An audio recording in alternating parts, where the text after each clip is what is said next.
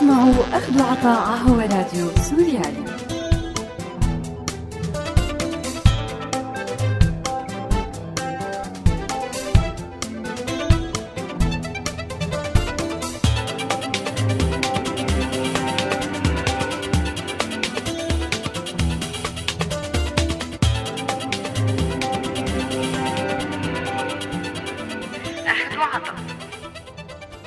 هل بشكل موضوع حماية خصوصيتك هاجس إلك أثناء استخدام الإنترنت؟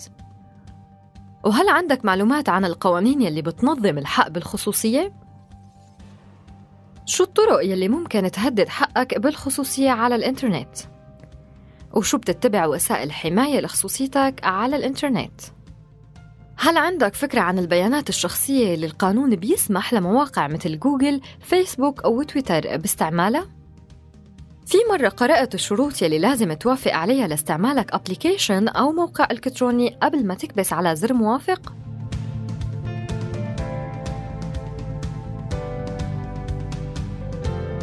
مرحبا وأهلا وسهلا فيكم مستمعينا بحلقة جديدة من برنامج أخذ وعطا ويلي رح نجاوب فيها على تساؤلات متعلقة بالخصوصية على الإنترنت.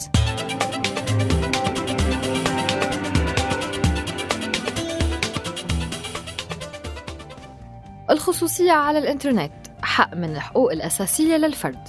والخصوصية بتعني الاحتفاظ بسرية المعلومات عن الجانب يلي منحب نخليه خاص بحياتنا.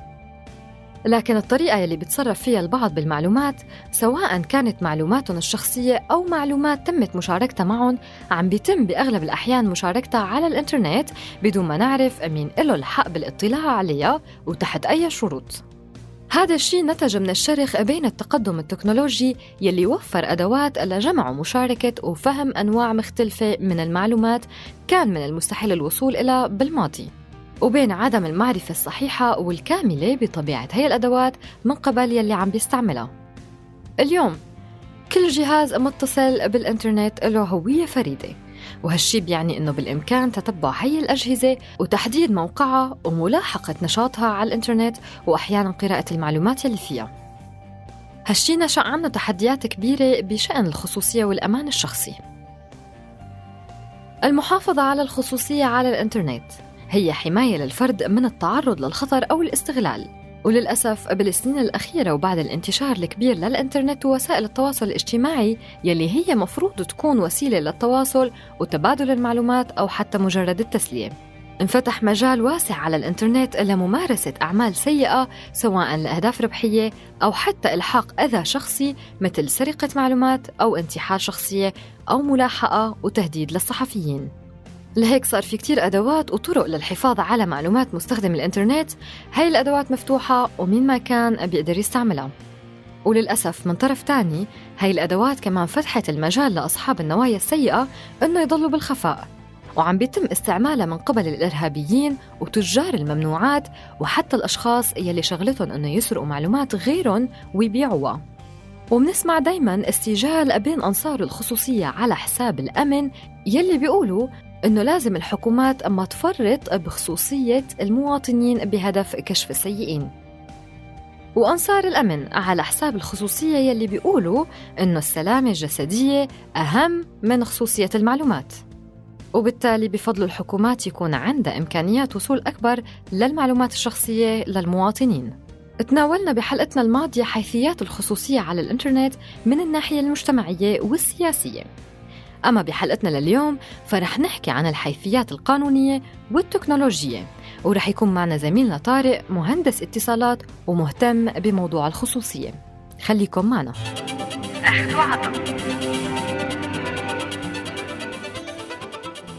من الناحية القانونية رغم إصدار الأمم المتحدة لقرار بيأكد على أهمية حق الفرد بالتحكم بمعلوماته وربط هذا الحق مع البيان العالمي لحقوق الإنسان إلا أنه ما في شيء ملزم للدول على مستوى عالمي. وهذا الشيء ظاهر بأوضح حالاته بفرق تعامل الشركات العالمية مع الموضوع من دولة لدولة شركة أورانج للاتصالات الفرنسية على سبيل المثال بتوفر أحكام وشروط استخدام تفصيلية لكل وحدة من خدماتها بفرنسا. بينما ما بتوفر هيك نوع معلومات بتونس مثلاً. وشركات مثل جوجل وآبل وتويتر بتنشر بشكل دوري تفاصيل عن طبيعة وعدد الطلبات يلي بتقدمها جهات حكومية أمريكية للحصول على معلومات خاصة عن المستخدمين بما فيها الطلبات يلي بترفضها الشركات على أساس قانوني. طبعا هي الشركات ما بتنشر هيك شيء نهائيا بما بيتعلق بالدول العربية مثلا أو حتى الصين أو روسيا. والحجة دايما أنه الشركة بتخضع لقوانين البلد يلي عم تشتغل فيها. وكمثال تاني عن دور القانون بألمانيا هو حالة الواتساب والفيسبوك.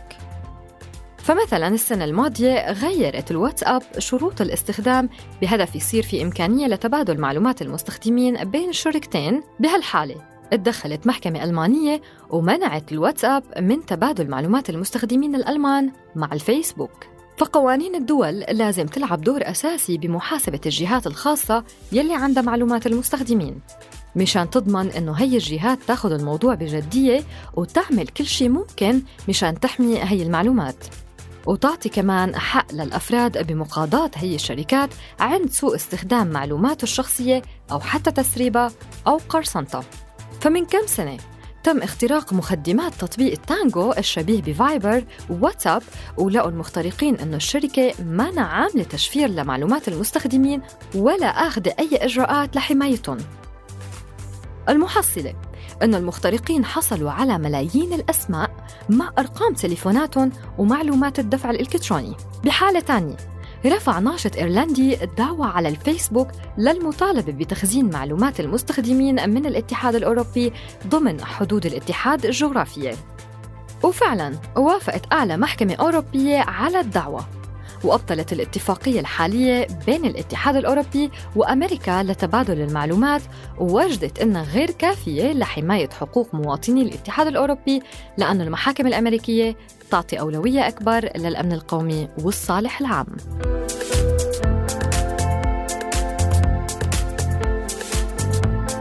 طبعا هذا كله ما بيعني أن الأمور تمام وعال العال بالدول الغربية فبال 2013 سرب إدوارد سنودن يلي كان بيشتغل بوكالة الأمن القومي بأمريكا.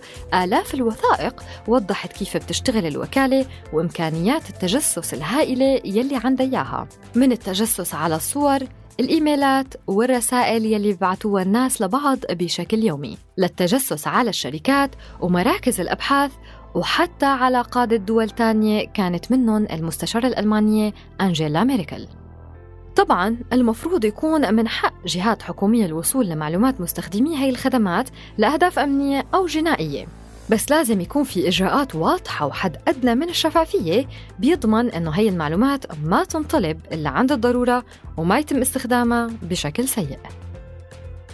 مع الوقت عم تكبر قدرة خدمات الإنترنت على جمع المعلومات وعم بيزيد اعتماد الناس على هي الخدمات.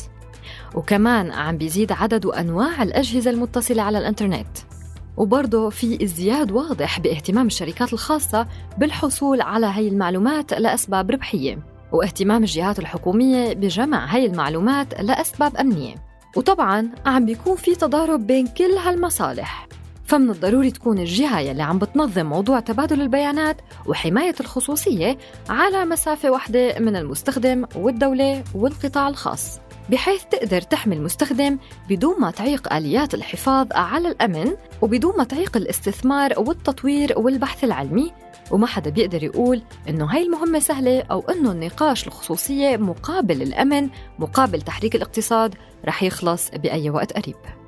أو بيبقى الطريق أطول بكتير قدام الدول القمعية مثل سوريا.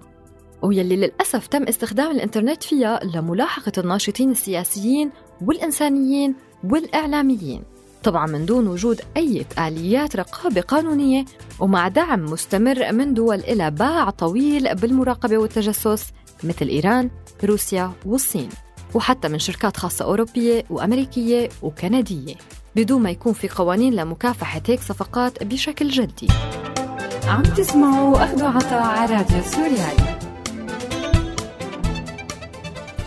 أما من الناحية التكنولوجية فبنسأل حالنا على طول هل نحن مراقبين بكل شيء عم نرسله ونستقبله على الإنترنت؟ وأكثر شيء بيجينا التساؤل على الابلكيشنز مثل الواتساب، الفيسبوك وغيرهم. وفي عالم بتقول حتى ولو أنا مراقب ما بتفرق معي كتير. كونه الشخص بيكون عادي وما عنده شي يخبيه بس الحقيقة إنه مو ضروري يكون صانع قرار لحتى يتعرض للأذى أحيانا على مستوى السلامة الشخصية وأحيانا بشكل غير مباشر كجزء من المجتمع وأبسط الاحتمالات هي إنه ينسرق بيت بعد ما ينعرف إنه صاحبه مسافر إن كان من صوره على الفيسبوك أو حتى من تحديده لمكانه. وطبعا في احتمالات أسوأ وأعقد من هيك بكتير. ولنعرف أكثر عن تأثير هالموضوع على حياتنا اليومية رح نحكي مع طارق زميلنا براديو سوريالي ومهندس اتصالات ومهتم بموضوع الخصوصية.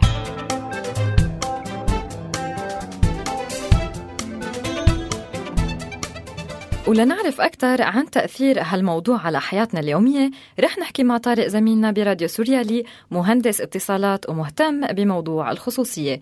يسعد مساك طارق. أهلين رنيم.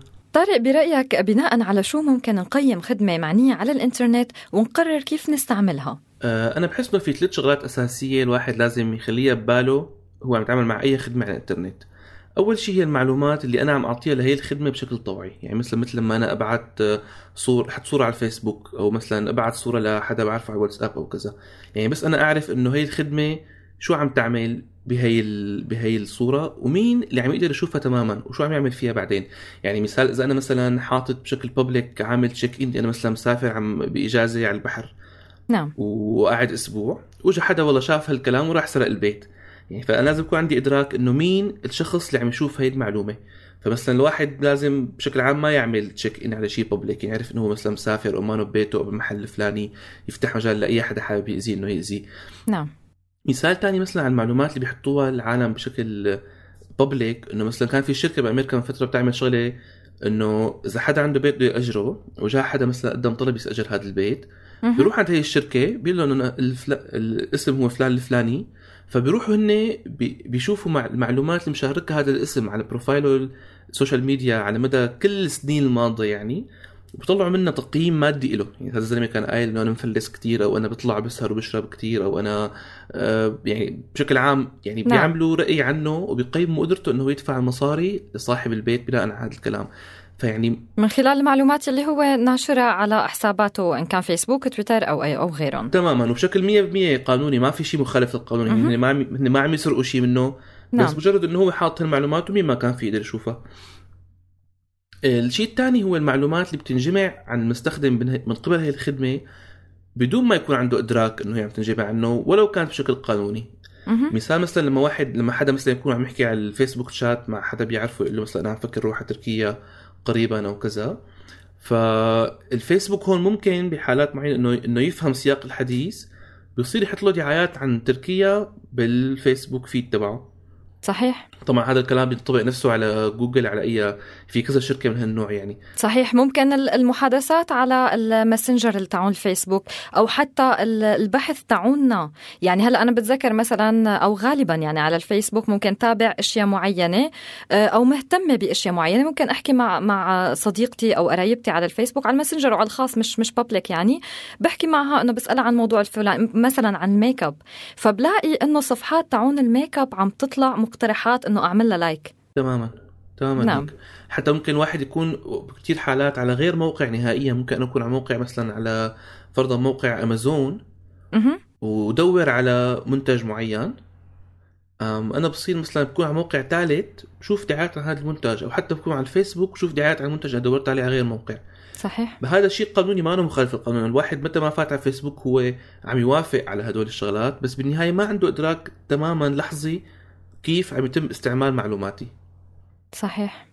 المشكلة الثالثة بقى أو بالاحرى الفكرة الثالثة هي المعلومات اللي بتتاخذ عن الواحد بدون موافقة صاحبها يعني مثلا بحالة ال hacking أو بحالة القرصنة أو كذا من من فترة آه، في هاكرز اخترقوا مو... آه، سيرفرات تبع تطبيق تانجو إذا بتعرفيه هو مثل الفايبر والواتساب. نعم. ولقوا إنه هي المعلومات تبع المستخدمين كلها على السيرفرات ما مشفرة. يعني مين ما فات على هذا ال server في يقراها مثل ما هي بيقرا آه، الاسم المستخدم رقم التليفون تبعه العنوان إذا كان حاطه إذا كان مثلا حاطط إذا كان شاري استيكرات أو شاري شيء صغير على الخدمة بيقدر يشوف معلومات دفع تبعه. فأنا بدي أعرف إنه أنا الجهة اللي عم أعطيها معلوماتي كيف هي عم تحافظ على هي المعلومات وتحفظها وتكون مأمنتها. فالواحد مو يعني ما بيحط معلومات دفع تبعه على الكريدت كارد تبعه على على أي موقع هيك جزافا. فهذا هي نقطة كثير مهمة برأيي. تمام. فهدول هدول ثلاث أفكار يعني اللي بحطوا بشكل أساسي واحد يحطهم بباله وقت يستعمل شيء خدمة. تمام. طيب طارق برأيك كيف الواحد ممكن يتعامل مع المعلومات يلي بيعطيها بشكل إرادي مثلا؟ يعني أنا لفرض بدي ابعت صورتي صورة حدا من من عائلتي لأحد صديقاتي مثلا أو قريباتي. كيف أنا بدي أضمن أو فعليا هو أنا بتم فكر فيها يعني إنه مين عم بيشوف هي الصور؟ هل يا ترى إذا تم اختراق للشركة الفلانية فرضا الواتساب مثلا أو الفيسبوك أو أو غيرها إنه أنا إذا حدا اخترق من برا مين اللي بيقدر يشوف؟ أو حتى شركة الفيسبوك نفسها أو أو أو أو. فبيتم عندي هي التساؤلات وبتوقع كثير عالم يعني بيكون عندها هي التساؤلات. فأنا شو يعني شو الشيء اللي لازم أعمله وشو الشيء اللي ما لازم أعمله؟ هلأ أول فكرة إنه المشاركة على العام بشكل عام هي ما فكرة كتير منيحة.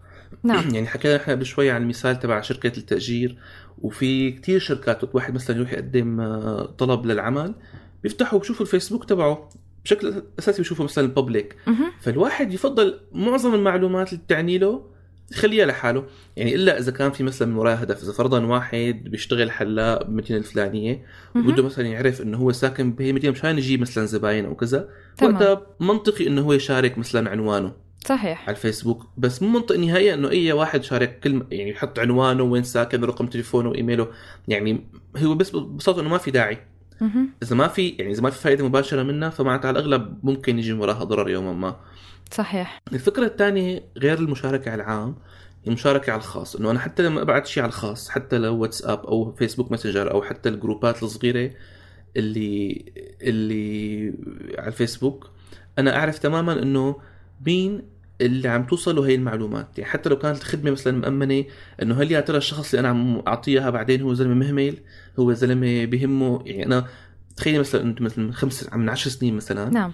كان الواحد بنوب مشايع إنه ياخذ صورته صورته يعني المادية. صحيح. يعطيها لحد ثاني لو خليها عندك. صحيح صحيح. بس العالم هلأ بيعملوا هيك بدون ما يدركوا تماما إنه الشخص اللي أنا عم وصل له هي عم اعطيه اياها لمعلوماتي مهمل ما مهمل حريص ما حريص إلى آخره. صحيح. وطارق بالفترة إيه. الأخيرة يعني أنا سمعت وشفت قصص و... و... وانتشرت بشكل كتير كبير على الفيسبوك إنه في جروب مثلا ل... ل... لصبايا فيه 5000 صبية من أربعة ل 5000 صبية. بعد بفترة طلعت مش ما يعني ما بدي أقول فضايح عن الصبايا لا بس الشيء يلي عم بيحكوه جوا طلع لبرا. عرفت كيف؟ فهون أنا مثلا لو كنت بهذا ال group أنا ما عندي ثقة بهال 5000 أنا ما بعرفهم بشكل شخصي، يعني ما فيني بادل معلوماتي الخاصة الشخصية، آه، صوري، آه، وين رحت، وين إجيت، شو عم بعمل، كيف عم بتحرك، كل حياتي بتفصيلاتها يعني البسيطة. آه، كانت هونيك عم تتشارك على ال groupات وفعليا انتهكت يعني وانتشرت على العام مش بس تمت ضمن هذا الجروب. تمام. والعالم انأذوا يعني مو شغلة مو بس خفيفة يعني في اذى بالموضوع صحيح. في عالم طلعوا وفي عالم صحيح. يعني في مشاكل بتصير من هالشغلات وفي كمان المهم طبعا هو الخدمة نفسها كمان. يعني ابسط مثال مثلا الواتساب ما بيش ما بيقدر يشوف محتوى الرسائل اللي إحنا بنبعت عليه. يعني هو واتساب هو ما امن امن خيار بس بضل خيار جيد. بعكس مثلا الفيسبوك يعني الفيسبوك بيشوف محتوى رسالة فبيقدر يحط لي عليها دعاية بناء عليها. بيقدر يفهم أنا شو عم أعمل. الواتساب ما بيقدر بس بيقدر يشوف أنا مع مين عم أحكي. و... ومثلا مدة الحكي أو إلى آخره. بس ما بيقدر يشوف شو مضمون الرساله فهذا شيء منيح يعني. فالواحد دائما يتوجه لهدول الخدمات اللي هن بيمنحوها هي الخصوصية. ويبعد عن الخدمات اللي اللي مثل الفيسبوك اللي هو الفيسبوك مو بس يعني الفيسبوك بده انه اي أنت شيء بتشاركيه عليه بده إياه ينشره. يعني هو بيعتمد مبدأه إنه يفرجي العالم قدر الإمكان شغلات عن الباقيين. حتى لو ما راحوا هن يدوروا عليها. صحيح. صحيح. طيب هلا الواتساب فرضا طارق مثلا. أنا آه، المعلومات يلي عم تبادلها مع مع أي شخص من الأشخاص اللي مسيفه ارقامهم عندي وعم براسلهم هل هاي المعلومات بتنحفظ مثلا بالسيرفرات تاعون شركة الواتساب؟ هل ممكن تتبادل مع الحكومات؟ هل هل هل أو أو لا؟ إذا على الواتساب بالتحديد. هلا الواتساب للأسف كونه كونه ما خدمة مفتوحة المصدر يعني بس هن بيعرفوا تماما كيف تشتغل 100% تفاصيل نعم. الخدمة تبعهم. نعم. بس نحن بنعرفه ومتاكدين منه إنه هي الواتساب ما فيها تشوف الرسائل. يعني حتى لو في حكومات طلبت منا هي الرسائل ما في تعطيهم اياها okay okay. تمام؟ نعم. بس على الأغلب على الأغلب بقية المعلومات إنه مين الشخص ومين رفقاته ومع مين بيحكي ومع مين بيبعت وهالشغلات هدول موجودين عند عند واتساب وعلى ال serverات تبعه. بس الشيء المنيح إنه حتى لو هن رغبانين إنه يوصلوا لرسائل سواء لأهداف آه، تجارية أو لا بناء على طلب حكومات هن ما بيقدروا. نعم. حتى هلا بالبرازيل علقانين واتساب مع مع محكمة مع محكمة برازيلية لأنه محكمة بدها منهم المعلومات وهن ما عنده ببساطة ما فيهم يعني ما فيهم يفهموا شو هن. هن بالنسبة لهم شيء مشفر فشيء آه، شيء خبير يعني. مهم. إيه. آه، كمان في شغلة مهمة تانية خرج الواحد يحطها بباله تستعمل الخدمة إنه هي الخدمة بعد ما أنا مثلا أمحي معلوماتي من عليها. حيضلوا عندهم. هذا كمان شيء شوي خطير يعني مثلا من فترة طلع في ثغرة بنظام ال iCloud اللي بيستعملوه اجهزه ال- الايفون. والايباد إنه اذا الواحد حتى بعد ما يمحي ال history تبع ال browsing تبعه يعني تاريخ تصفح بضل في نسخة منه على ال iCloud يعني إذا حدا قدر يخترق ال iCloud فيما بعد. أو حتى مثلا محكمة طلبت سجلات أو شيء حتى لو هو محيهم بإيده هن في نسخة منهم عند الشركة. فهذا كمان شيء فعلا مهم يعني. صحيح. يعني هلأ مثلا على الفيسبوك فرضا أنا إذا نزلت آه، صورة أو أي post كتبته آه، ورديت حذفته مثلا حتى لو بعد بساعة أو ساعتين بيتم مخزن هلأ هن ما بيقولوا بشكل صريح بس آه، أنا ظني الشخصي إنه إيه إنه ما في شيء بيمحى أها. على الفيسبوك. تمام. فهون بتجي أهمية إنه الواحد لما يحاول يستعمل خدمة قدر الإمكان تكون مفتوحة المصدر. يعني مثلا برنامج سيجنال اللي هو شبيه جدا. بواتساب هو يعتبر امن امن خيار سواء للأمن أو للخصوصية تمام. ميزته القوية إنه هو مفتوح المصدر بمعنى إنه أي مدقق أي طرف ثالث حيادي بيقدر يفوت على على كل تفاصيل العمل البرمجية من جوا وآليات ال... يعني بسموهم بروتوكولات هن اللي بيشتغل فيها هذا التطبيق فبيقدر يعرف تماما حلو. تماما تماما شو عم ينحك شو عم ينجمع حلو. وكيف عم ينجمع. ومين ومين ممكن يشوف ممكن ومين ممكن ما يشوف حلو طيب طارق بالنسبة للمعلومات اللي بتنجمع بدون ما يكون عندنا فكرة دقيقة عنها مثل مثلا حالة الدعايات اللي بتطلع حسب نتائج البحث أو بتشات على الفيسبوك مثل ما ذكرنا كيف ممكن الواحد يتعامل هون مع الموضوع؟ هلا مثل ما قلنا قبل شوي يعني مثل الواتساب مثلا ما في يشوف شو في جوات هي الشغلة. فهذا شيء كتير مهم سواء المعلومات أنا عم احطها بشكل إرادي أو هو عم يجمع عني الواتساب ما في يجمع شيء عن مض... عفوا. الواتساب ما في يجمع شيء عن مضمون الحكي اللي أنا عم أحكيه. فهي نقطة مهمة دائما الواحد يتوجه لهذا النوع من الخدمات. آه في طرق تانية في واحد شوي يحدد هذا الأثر. مثل إنه مثلا يعزل الفيسبوك أو جوجل أو في كذا خدمة من هالنوع اللي بيجمعوا هدول المعلومات. يعمل لهم عزل عن بقية التصفح شلون مثلا هلأ أنا في إضافات لل browser تبعي اضافه extensions لل Chrome تمام. وحتى لكل ال browserات في واحدة اسمها Ghostery في واحدة اسمها Disconnect هيك بيعملوا بي بيحطوا المواقع تقريبا مثل فيك تقولي بقلب فقاعة مهم. بصير ما عاد بيقدروا ياخذوا عني المعلومات اللي بتهم الفيسبوك والجوجل. يعني هن مبدأهم التقني مو كتير نحن هلأ بيهمنا مهم. بس الواحد ينزلهم ويجربهم وي- ومع الوقت تفرق معه. بصير بيلاحظ إنه ما عاد كل شيء بيكتبه وين ما كان هو بيطلع له عنه دعايات في مكان آخر. آه، طريقة تانية كمان ممكن تكون مفيدة بالحماية شوي للخصوصية هي ال ال الإضافات ال browser اللي بتعمل حجب للإعلانات بسموها ad block. في Adblock Plus. التصفح الخفي؟ آه لا غير التصفح الخفي غير فكرة هذه. هلا بحكي عنها. تمام. بس هذول هن مثل إضافة بتصير بتعمل بتعمل حجب لكل الإعلانات. مهم. فالإعلانات هن اللي بقلبهم كمان يعني الإعلان هو بيطلع لك وبنفس الوقت كمان بيكون بيجمع عندك معلومات. فبيعمل حجب للإعلانات وبيساعد على الحفاظ على الخصوصية. وأخيرا مثل ما أنت هلأ قلتي التصفح الخفي نعم. يعني كل ال browserات الممكنة كل المتصفحات سواء كروم أو سفاري أو Firefox أو أي شيء ثاني. دائما في نمط تصفح خفي بيكون اسمه private browsing أو incognito بال Chrome أو اسمه تصفح خفي أو تصفح خاص. فهذا إذا الواحد استعمله هو عم يعزل النشاط اللي عم يصير بقلبه عن الباقي فإذا إذا أنا مثلا بفتح فيسبوك بقلب هذا المتصفح الخفي ما عاد هو بشوف بقية الشغلات إذا بفتح فيسبوك حصرا بقلبه. نعم. أو إذا أنا بفتح فيسبوك بالمتصفح العادي وبعمل أي نشاط أنا حابب يضل سري ضمن المتصفح الخفي كمان هي شغله منيحة. تمام. طيب والمعلومات اللي بتنسرق مثلا أو بتتهكر كيف ممكن نحن نتعامل معها؟ هلأ يعني بالنهاية هي الشغلة بقى يمكن أصعب وحدة. صحيح. بالنهاية الواحد فيه يحاول قد ما بيقدر إنه هو يأمن أجهزته. ما يكبس على اللينكات اللي بتجي بالايميل مو عرفان شو بتعمل. ما يكبس على على كمان روابط تجي على الفيسبوك بتكون مشبوهة أو أي شيء من هالنوع. طبعا في كتير يعني حكي أونلاين عن كيف الواحد ممكن يأمن جهازه بيقدر يلاقي يعني في ياخذ خطوات بهذا الاتجاه. والأهم من هيك مو الأهم بس كمان مهم إنه الجهات اللي عم يتعامل معها دائما تكون مضمونة يعني ما يبعث لعالم مهملين. ما يتعامل مع مواقع منظرها غريب ما يعطي معلومات الدفع تبعه ما يعطي عنوانه رقم تليفونه إلا لعدد محدود من الخدمات يحاول دائما يختارهم بكتير بعناية ويتأكد إنه هي شركة محترمة. هي مانها جهة عم تحاول تنصب علي أو حتبيع معلوماتي. مو بس هيك أو حتى جهة سيئة لا ممكن تتهكر وينسرقوا منها معلوماتي. تمام. فهدول أهم شيء تمام. يعني. طيب في عالم بنشوفهم حاطين لزقه على كاميرا اللابتوب مثلا أو على كاميرا ال- التليفون أو حتى على المايك تاعون اللابتوب يعني. هي شفتها في كان صورة ل- لمارك آه، صاحب شركة ال- الفيسبوك والواتس والواتساب إنه حاطط آه، صورة. هلا ما بعرف مدى مصداقية الصورة بصراحة بس هو فعليا يعني لا بمحيطنا صحيحة. في في عالم بيحطوا لزقه على هي ف- فشو رأيك أنت ب- بهذا الموضوع أو بهالشغلة؟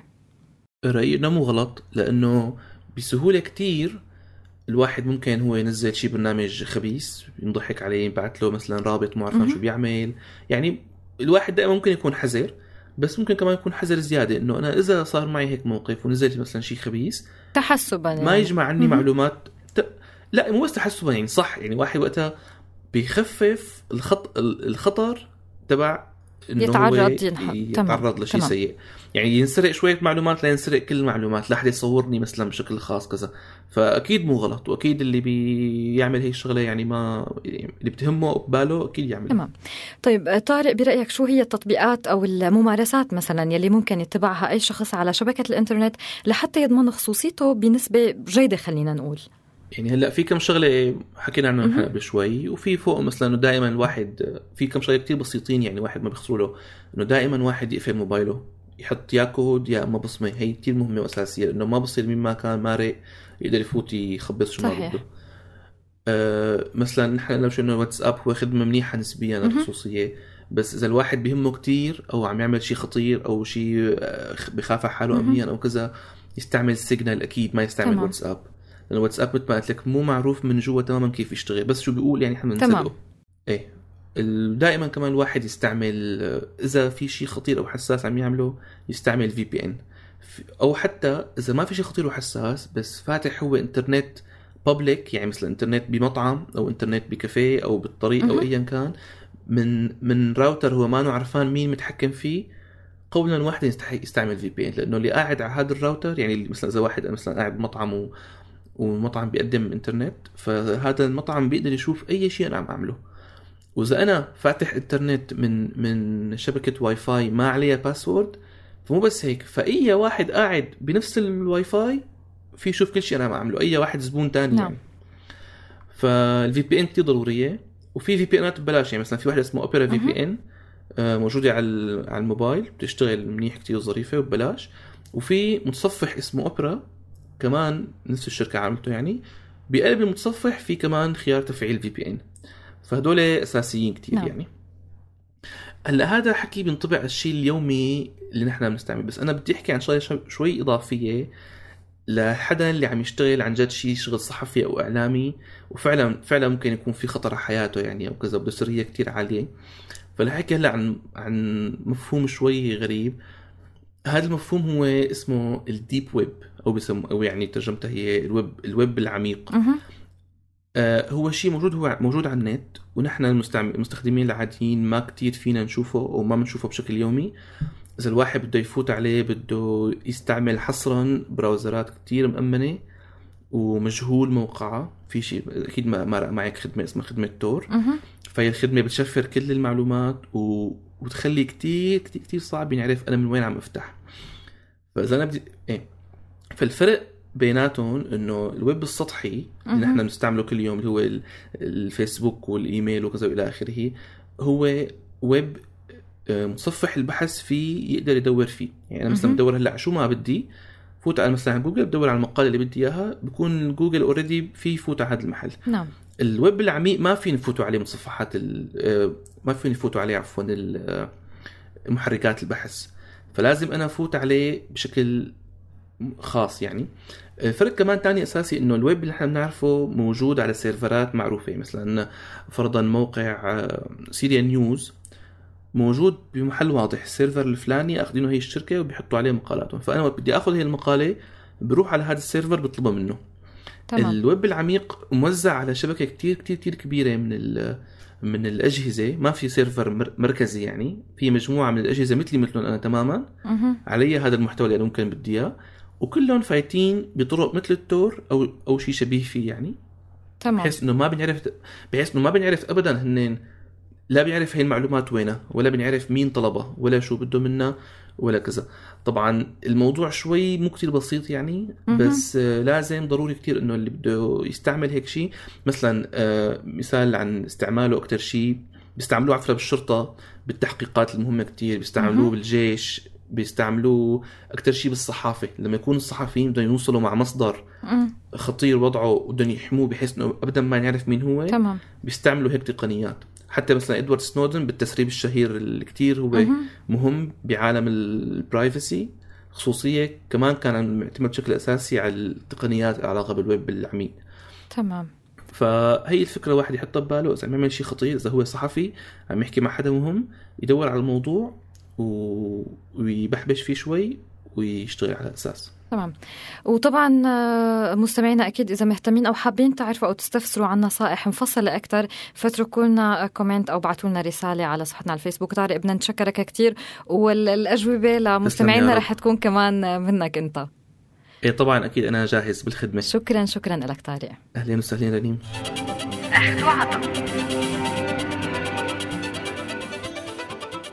الحق بالخصوصية بيدعم الحق بحرية التعبير. واحترام سرية الاتصالات شيء ضروري إلا ثقة وراحة كل مشترك بالإنترنت.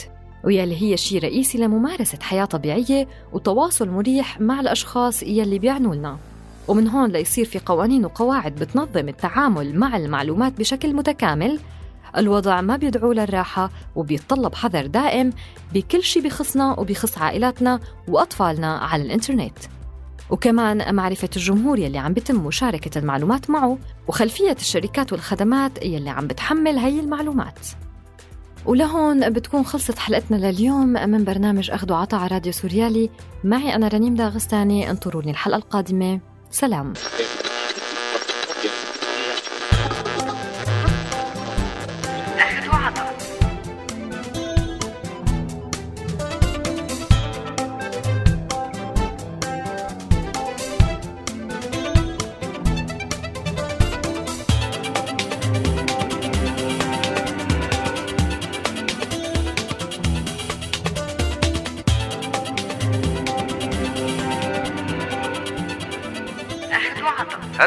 هذا البرنامج من إنتاج راديو سوريالي 2017